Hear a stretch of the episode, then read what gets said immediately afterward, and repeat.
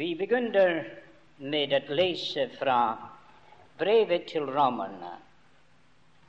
Brevet til romerne av det 15. kapittel. Og vi leser fra vers 12. Og atter sier Isaias, det skal komme det Isaias rådskog, han som reiser seg for å herske over hedningene. På ham skal hedningene håpe. Men håpets Gud fylde eder med all glede og fred i eders tro så I kan være rike på håp ved Den hellige ånds kraft. Så leser vi et par vers fra Efeserbrevet. Brevet til Efeserne og det første kapittel. Og vi kommer til å lese fra vers 15. Derfor, efter at jeg har hørt om deres tro på den Herre Jesus, og om deres kjærlighet til alle de hellige, holder jeg ikke opp med å takke for eder når jeg kommer eder i hu i mine bønner, at vår Herre Jesu Kristi Gud, herlighetens Fader, måtte gi eder visdoms- og åpenbaringsånd til kunnskap om seg, og gi eders hjerte opplyste øyne så I kan forstå hvilket håp det er Han har kalt eder til, og hvor rik på herlighet Hans arv er iblant det hellige, og hvor overvettet står Hans makt er for oss som tror, efter virksomheten av Hans veldige krav, som Han visste på Kristus da han oppvakte ham fra det døde og satte ham ved sin høyre hånd i himmelen. Så leser vi da i Johannes' første brev. Johannes' første brev, og i det tredje kapittel. Og det første vers Se hvor stor kjærlighet Faderen har vist oss at vi skal kalles Guds barn, og det er vi. Derfor kjenner verden ikke oss, fordi den ikke kjenner ham. I elskede, nå er vi Guds barn, og det er ennå ikke åpenbart hva vi skal bli.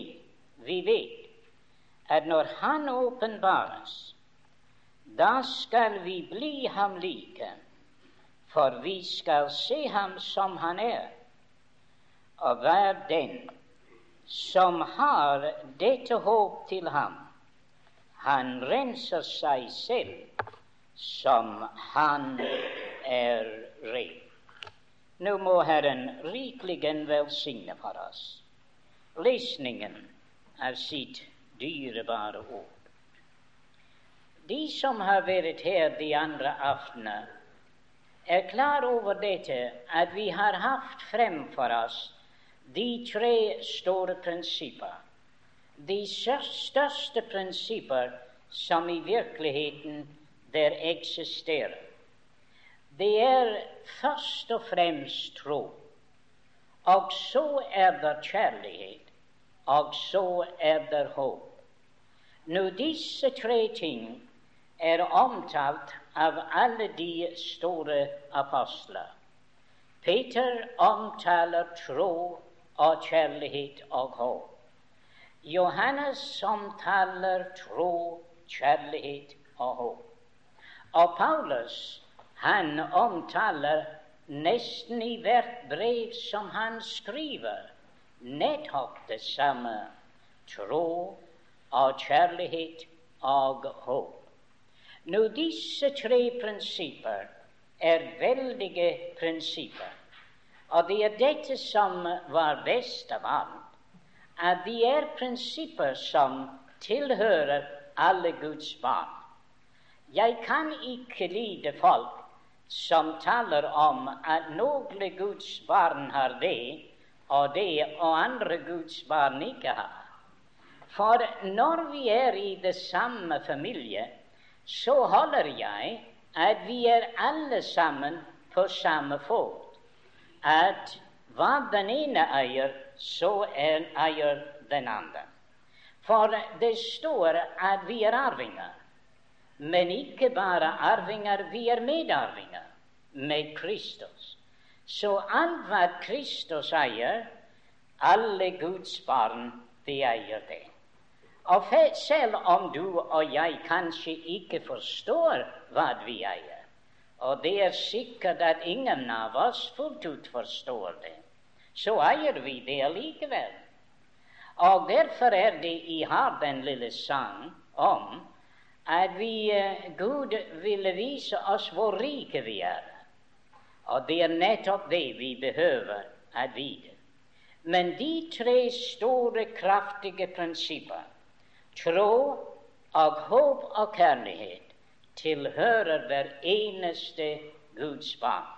Så Paulus han kunne si til kolensenserne at han kunne takke Gud for deres tro på den Herre Jesus, for deres kjærlighet til det alle de hellige, og for det håp som var gemt for dem i himmelen.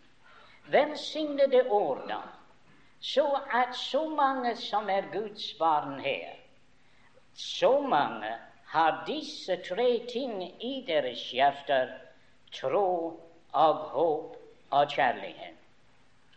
Vi sa at tro var en meget praktisk og kraftig prinsipp. For det er tro der giver oss forstand. Den som har tro, han har ikke de problemer som de andre har der ikke har tro.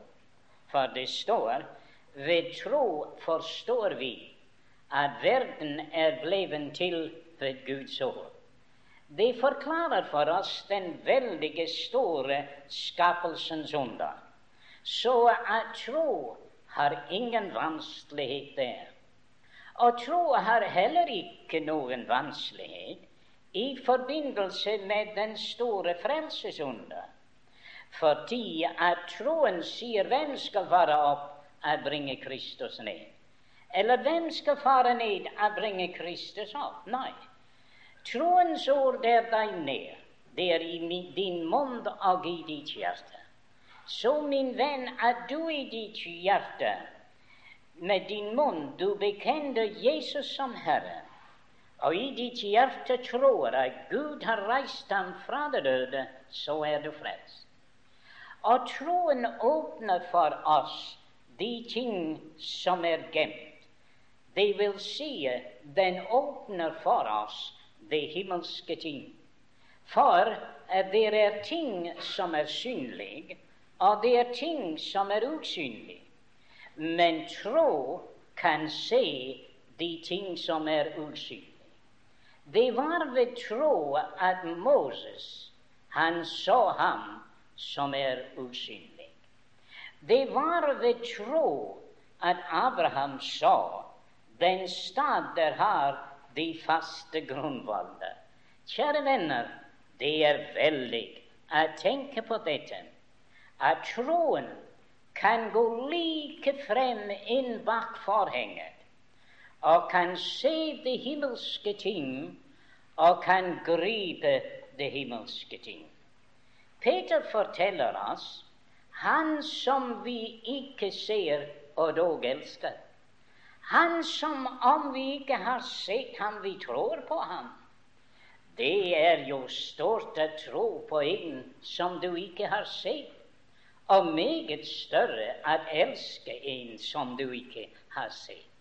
Men således er det at troen har gjort deg og meg i stand til å elske Gud som vi ikke har sett eller kan se, og at elske den Herre Jesus Kristus som vi ikke har sett. Troen er en veldig sterk prinsipp, og det er det det løfter Guds barn opp. høyt over denne verdens mennesker, fordi det er ikke alle som har tro. Troens sak er ikke alles sak. Men vi vet hvordan vi fikk tro. Troen kommer ved å høre, og ved å høre Herrens ord. Jeg leste i dag om Elias, og da han kom til den enke der i Sarepta var det, og så er det han sier til henne, du skal bake et brød for meg. Meg først, sier han. Det var merkelig at han skulle være så selvisk og si meg først. Ja, men så sier han, for så sier Herren. Ja. Og den kvinne, hun gikk, og hun bakte brød. Bakte brød for den mann, og det var det siste som der var. Hvordan kunne hun gi det siste? Det var tro, mine venner. Men tro på hva? Tro på denne Elias? Hun hadde aldri sett ham før. Men han satte seg i forbindelse med Herren. Så sier Herren Ja, det er dette. Se, troen hviler på hva Gud har sagt. Og derfor er det at du, min venn, er så trygg som du kan være. For himmelen og jorden skal forgå, men mitt ord skal ingenlunde forgå. Så jeg er glad for at jeg har tro, fordi det har gjort meg så lykkelig og glad. Gud har frelst meg, og Han har åpnet opp for meg disse himmelske ting, og jeg kan spasere igjennom landet, og jeg kan se det, og jeg kan skue det, og jeg kan inntage det alt sammen ved tro. Der står da at have den prinsipp i ditt hjerte. Lykkelig de mennesker som har tro på Gud. Ikke tro på deg selv, og ikke tro på den uh, forsamling som du går på, men tro på Gud. Men så er det dette at tro er en underfull ting. For tro presenterer for oss to andre ting. Den ene heter kjærlighet, og den andre heter håp. Den som ikke har tro, han har heller ikke kjærlighet. Men den som har tro, han blir presentert for noe av det mest underfulle som vi sa fra Romerbrevet, at Guds kjærlighet, da vi nå altså er rettferdiggjort av tro, så er det at Guds kjærlighet er utøst i våre hjerter ved Den hellige ånd som er oss gitt. Tenk, min venn, at da troen kom inn i ditt hjerte, så fikk du alt hva Gud har gitt. Og tro ikke de folk som sier du har ikke fått Den hellige ånd, for du har. For du kunne ikke elske Gud, og du kunne ikke elske Guds folk. Og du kunne ikke elske Guds ord om du ikke hadde Den hellige ånd i ditt hjerte. Guds ord sier at Guds kjærlighet er utøst i våre hjerter ved Den hellige ånd som er oss givet. Den hellige ånd er givet, min venn. Du behøver ikke råpe på for ham. Han bor i ditt hjerte. I deres hjerter er den hellige Guds tempel. Han bor i dere. Så, mine venner, det er velsignet å vite at jeg undrer hvor den her kjærlighet kom fra. Mennesker prøver på å elske Gud, og de sier det, eh, det lar seg ikke gjøre. Men min venn, tro på den Herre Jesus Kristus, og jeg skal love deg for at uten at du anstrenger deg, du kommer til å elske den mann som gav seg selv for deg på Golgata. Og du kommer til å elske Gud og elske alt hva Gud har gitt. Så troen bringer oss inn i besigelse av Den hellige ånd Og av denne kjærlighet, og ikke bare dette, men syndernes forlatelse, rettferdiggjørelse, barnekår, det evige liv, de er alle sammen givet til oss gjennom troen på den Herre Jesus. Og vi så at den kraftige prinsipp har båret de gamle hellige opp. Ved tro skal man leve. Og mennesker har levet i denne verden ved troen på Gud og på Guds sønn. Og derfor står det i hebreerbrevet om alle de store ting som troens menn har gjort. Og det var jo ikke bare den gang at det skjedde store ting ved tro, men det står, skjer store ting ved troen i dag. Det er tusener og atter tusener av troens menn i dag som følger den Herre Jesus, og han bruker dem i hans tjeneste. Og for et kapittel! Vi kaller dette Hebreerbrevet 11. I England kaller vi det for Guds Westminster Abbey. Du vet, i England de begraver alle de store helter i Westminster Abbey. Og Gud begraver sine store helter. Her i Hebreerbrevet 11 disse de døde i tro. Veldige troens menn. Så venn, skammer deg ikke ved å tro på den Herre Jesus. For den som tror på ham, skal ikke være til skam. Men hvor velsignet er da at have den kjærlighet i våre hjerter det talte vi om forleden aften, og tiden tillater ikke å gjenta det utover dette at minne våre hjerter om det, at vi elsker ham fordi han har først elsket oss. Og vi sa at tro var den største av alle disse tre prinsipper. Det var størst fordi at den er guddommelig det er ikke bare at Gud elsker, men det er at Gud er kjærlighet. Og det er noe helt annet, mine. Det er mange der elsker, og man kan ikke si at de er kjærlighet. Nei, men Gud er kjærlighet. Så han er kjærlighet, og han elsker fordi han er kjærlighet. Og det er ikke bare at det er en Eh, av Gud, men også kjærligheten er en veldig prinsipp fordi de mange vanner kunne ikke utslukke kjærlighet. Kjærlighetens storhet ser vi på Golgates kors. Han sier, Jesus sa, Fader, ikke min vilje, men din vilje skje. Det var kjærlighet til Gud og kjærlighet til mennesker, det vil gå hele veien inn i døden. Og du og jeg kan ikke annet enn elske ham, fordi han først elsket oss. Men jeg ønsker igjen at minne våre hjerter om at den kjærlighet hvormed Faderen elsker Sønnen, er den kjærlighet som Gud har for deg og meg det er ikke mindre enn den guddommelige kjærlighet som er lagt ned i våre hjerter. Og det er den guddommelige kjærlighet. Vi vet at vi er elsket med Guds kjærlighet.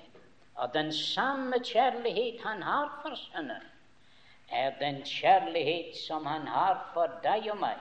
Så kjære Guds barn, du skal ikke være redd. Han elsker deg. Han elsker deg ved en evig kjærlighet, og intet skal kunne skille oss fra Guds kjærlighet i Kristus Jesus. Det er stort og velsignet å ha dette for våre hjerter. Men det er jo dette at uh, troen presenterer oss også for den veldige velsignede prinsipp som heter håp. Verden trenger til disse tre ting tro, håp og kjærlighet.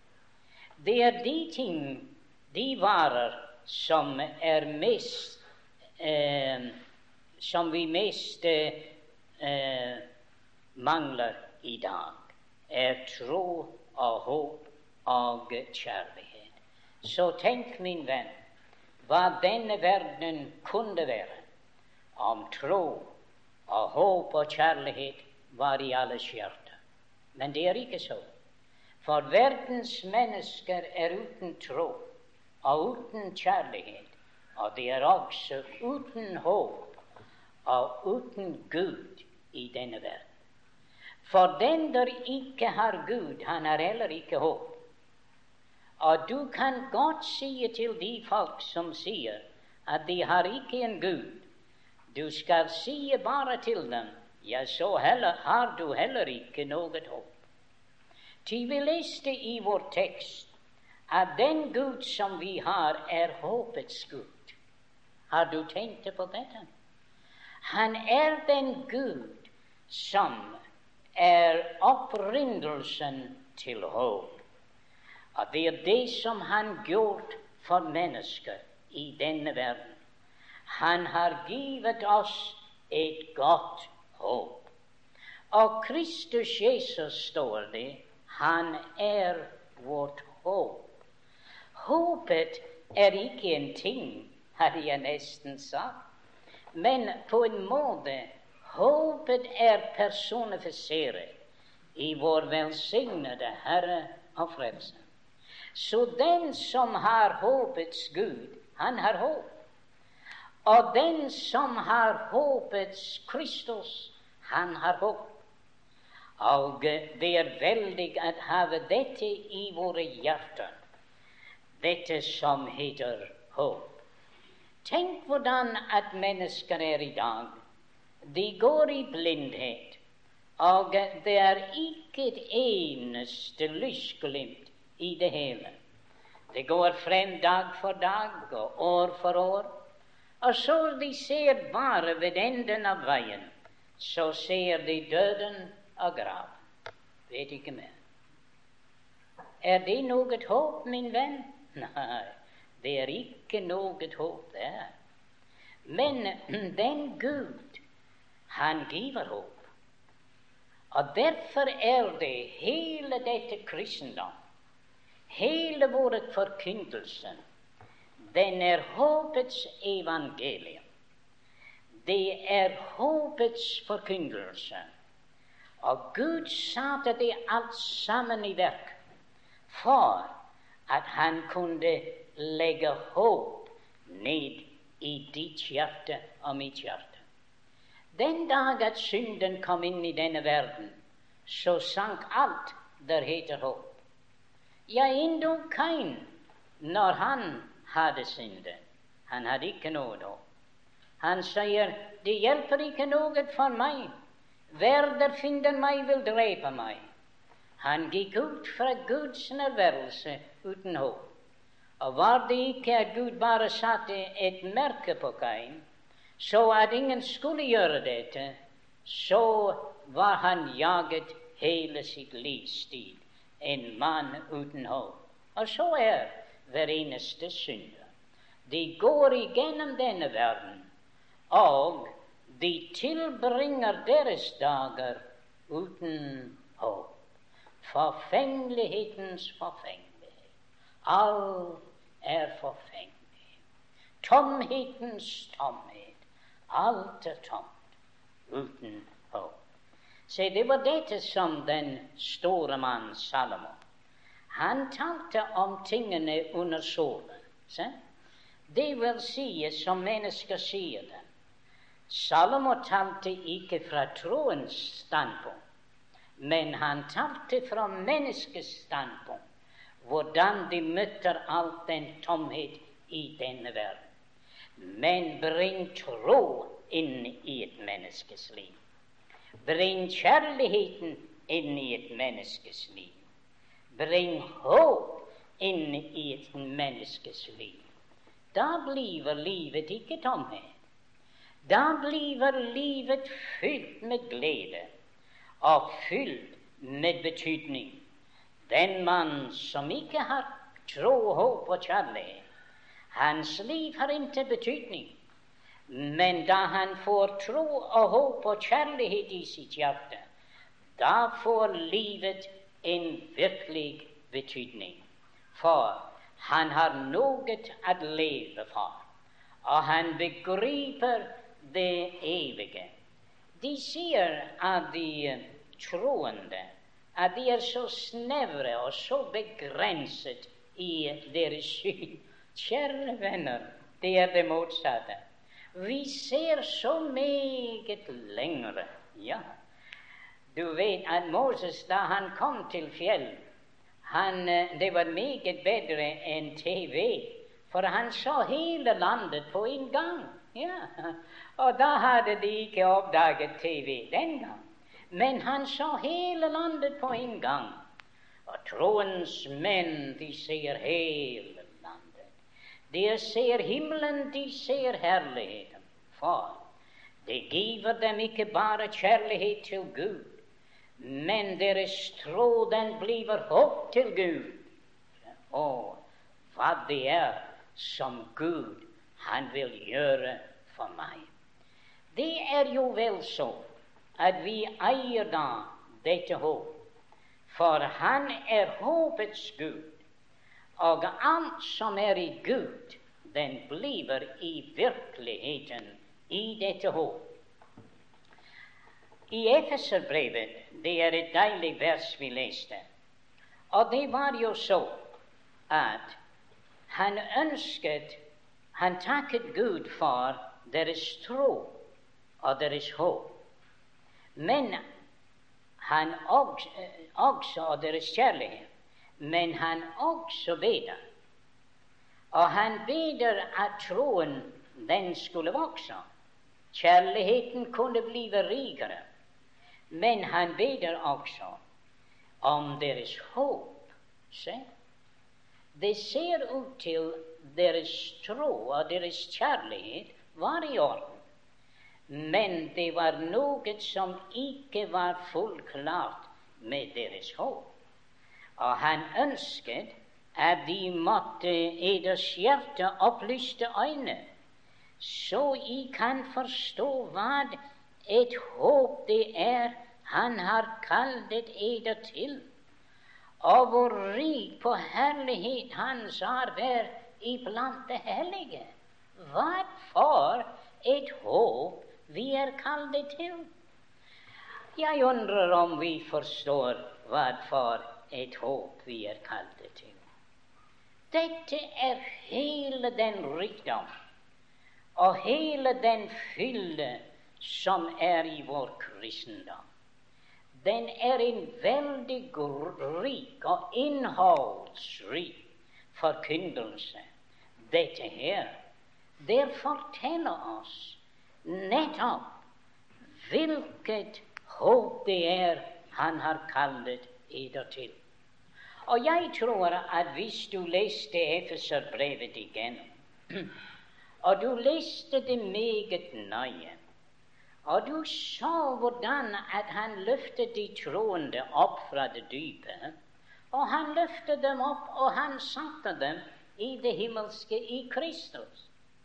Og om du så hvordan at han velsignet dem med alle åndelige velsignelser i himmelen og i Kristus, og du hørte ham fortelle også om at de kommende tider han skulle vise sin nådes overvettes godhet imot dem i Kristus Jesus, ja, da ville du begynne at ha en lille forståelse av hvor rik det, hvilket håp det var han hadde kalt eder til. De fleste er tilfreds med dette, at være glad for at de er frelst fra helvete, og at være glad for at de er frelst for å komme til himmelen. Og det er, det, det er høyden. Men kjære venner, vi burde vite hva for et håp vi er kalt. Vi burde vite alt hva dette inneholder.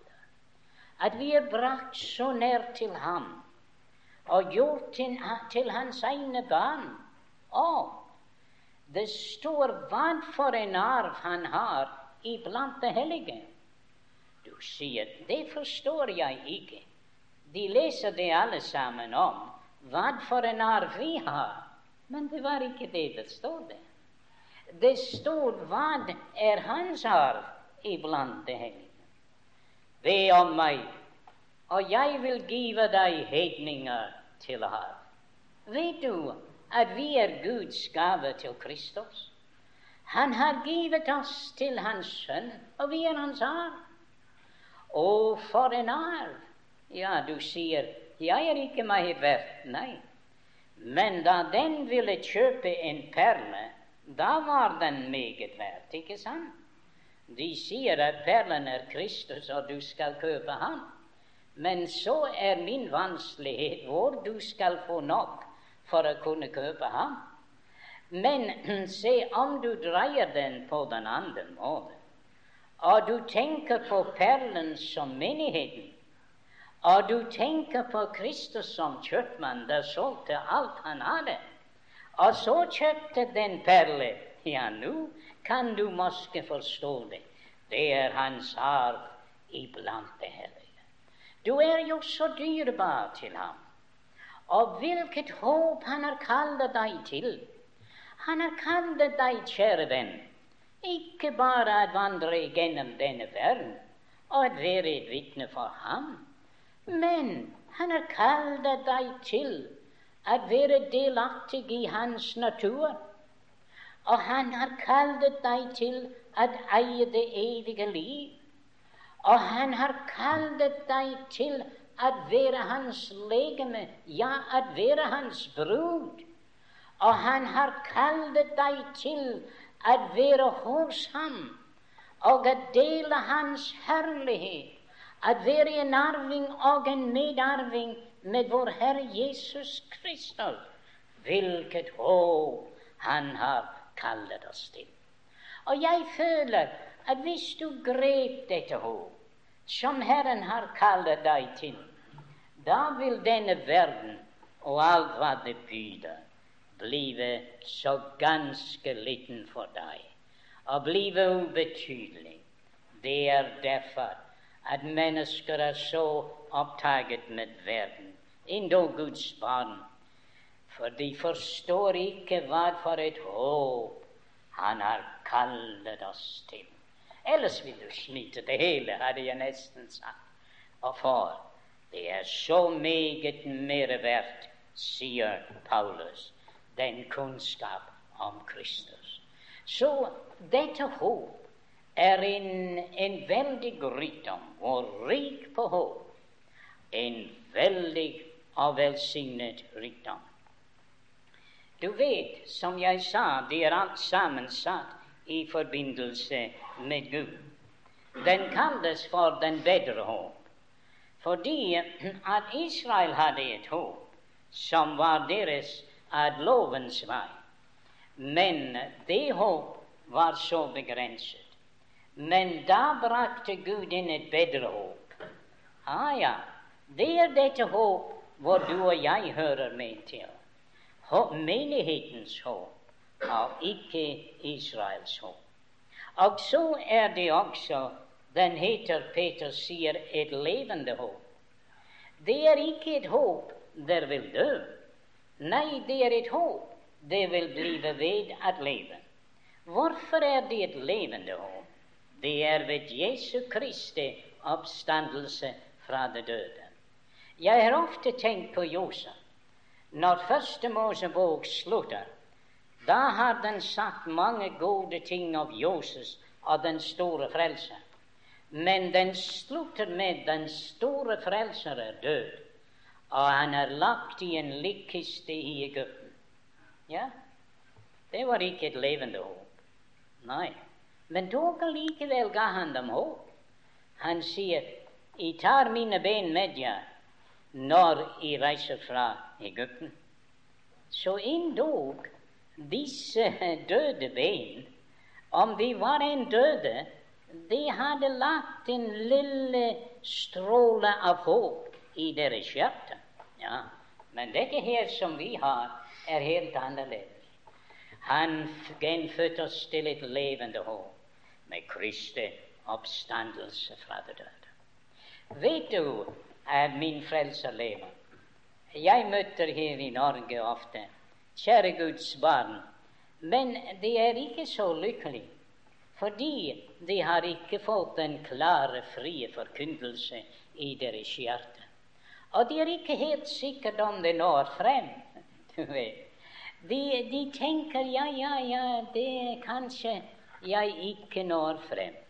Kjære venn, jeg har sagt til dem ja, men din frelser, han døde. Ja, så din frelser er en død frelser. Han døde for deg. Ja, ja. Men, sa jeg, min lever. Og det er forskjellen. Jeg ville være like så bedrøvet om jeg hadde en død frelser. Men det er ikke det jeg har. Jeg har en levende frelser. Ah, han gjenfødte oss til et levende håp, min venn. Du skal ikke gå og tvile, fordi din frelser lever, og han sa, 'Jeg lever, og jeg skal leve'. Og så sant han lever, så lever du. Ah, dette er et levende håp. Og det står at Gud er den levende Gud. Så det håp han giver, er det levende håp. Og det står også det er et salig håp. Og Gud, han er den salige Gud. Og selvfølgelig er det at det håp som han giver, er også et salig håp.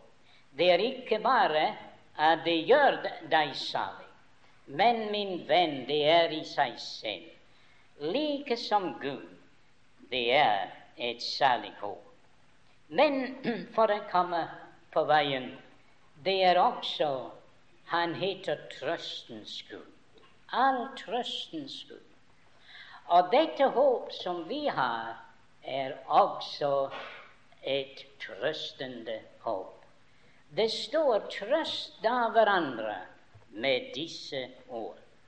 La meg understreke tre ting nå, ganske kort. Nemlig, det er tre ting som er så velsignet i dette håp. Det er det vedrørende Guds barn når de dør. Det står om dem i hebreerbrevet alle disse døde i tro. Men, mine venner, det var også med håp. Ja, det var det. Og de døde i tro. Og det er dette det er forskjell. Alle mennesker dør ikke ens.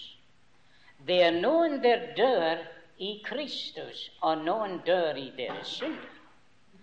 Og noen de dør uten håp, og det er andre de dør i tro og har håp.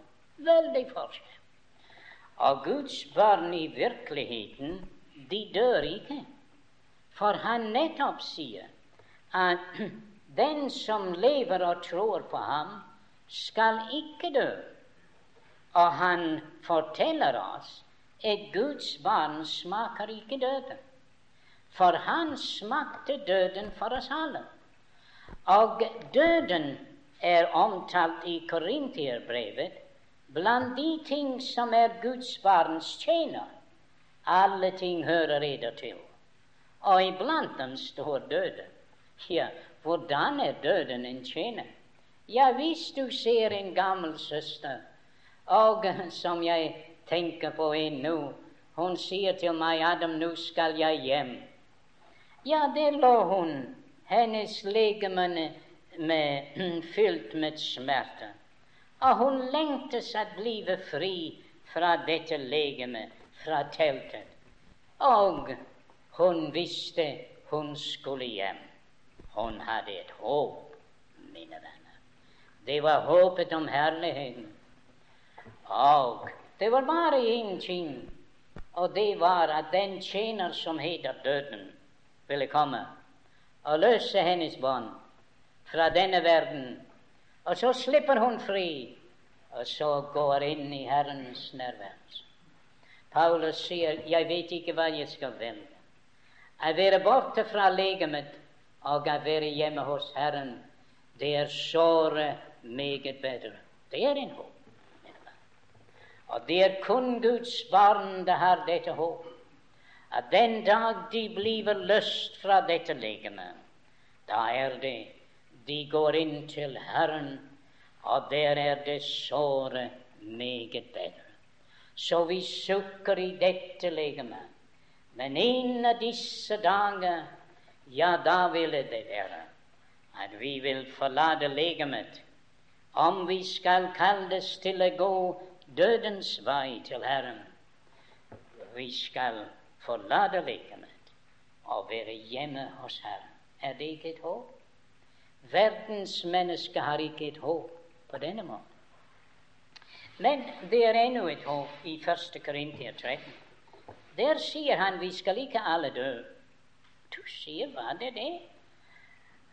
Ja, Jehovas vitner de pleier å si at det var tusener levende nå som ikke skulle dø. Det sa de en gang i hvert fall. Men de forandrer deres lære av og til. Men uh, det var jo dette at uh, jeg tror at det er mange levende i dag som ikke kommer til å dø. For Herrens komme er så ganske nær. Og når Han kommer, hva skal skje? Det døde i Kristus skal oppstå først. Så det er håpet om oppstandelse, min venn. Det er ikke bare at din sjel vil gå inn til Gud, men ditt legeme hører ham også til. For enten vi lever eller dør, vi hører Herren til. Og det legemet, det er jo hans. Og han forteller oss at det skal oppstå. Og de levende skal forvandles uten å dø. Tenk for en dag det blir når disse kjære venner, sjeler i tusentall og millioner, skal forlate vår verden og gå inn til Herren, bortrykket opp i skyene for å møte Ham. Og dette kan skje i natt. Du skal ikke lytte til dem med alle deres profetier. Men kjære venner, det er intet til hinder for at Herren vil komme i natt og tage sin menighet hjem til seg. Det var et aktuelt og levende håp. Jeg ser ikke på tegn, nei, for tegn har å gjøre med Hans komme i sitt rike. Men det er intet tegn i forbindelse med hans komme for sin menighet. Når den siste sjel er frelst, så går vi. Å, mine venner, for et herlig håp. Trøst da hverandre med disse ord. Det er jo et trøstens ord for våre hjerter. Så er det et budskap som dette budskap. Der kan give mennesker håp i dødens stund, kan give mennesker håp i denne verden, og kan likefrem give dem håp om at snart de kommer til å forlate denne verden og gå inn i den herlighet som Herren har beredt når Herren han kommer for å ta oss hjem. Så dette håp er jo som sagt et veldig godt. Nå, jeg leste ikke det vers i Hebreerbrevet 6. Det var jo på mitt program. Men eh, broderen, han leste det for meg, så jeg lot være med å lese det. Men legg merke til det er symboler brukt om håp. Det står i Efeserbrevet om at håpets mm, eh, hjelm, det er noe for å bevare hodet. Og det er intet der kan bevare hodet som håpet om frelsen. Og eh, det er mange folk der blir sinnssyke. fordi de ikke har dette håp. Men ingen blir sinnssyk fordi de har det. Aldeles ikke. Det er grunnet på at det mangler dette håp. Det er det der bevarer håpet. Å, kjære venner, vi trenger til det i dag med mørkets makter setter inn. Men det står også det er eh, håpets brynje, står det, tror jeg, i Tessalonikerbrevet. Men i hvert fall, det er for hovedet. Det er jo for hjertet. Det er for å bevare hele mennesket. Det er velsignet å ha Guds rustning på, og håpet er noe der kan bevare oss i denne måtløse verden.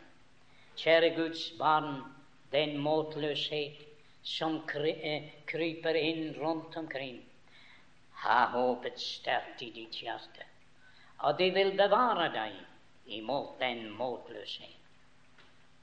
Men vår broder, han minnet oss om at det er ikke bare hjelm for hodet og en brynje for å bevare oss, men den heter også troens anker, anker for sjelen. Ah, det er veldig å ha håpet som et anker for sjelen. Og det står som når innenfor forhenget. Nå, jeg vet at jeg er iblant sjømenn og jeg holder ikke om å holde noen foredrag om sjømannskap. Men allikevel, jeg talte med en kaptein i uh, København. Han hadde seilet til uh, Amerika mange ganger, ført hans båt over til Amerika.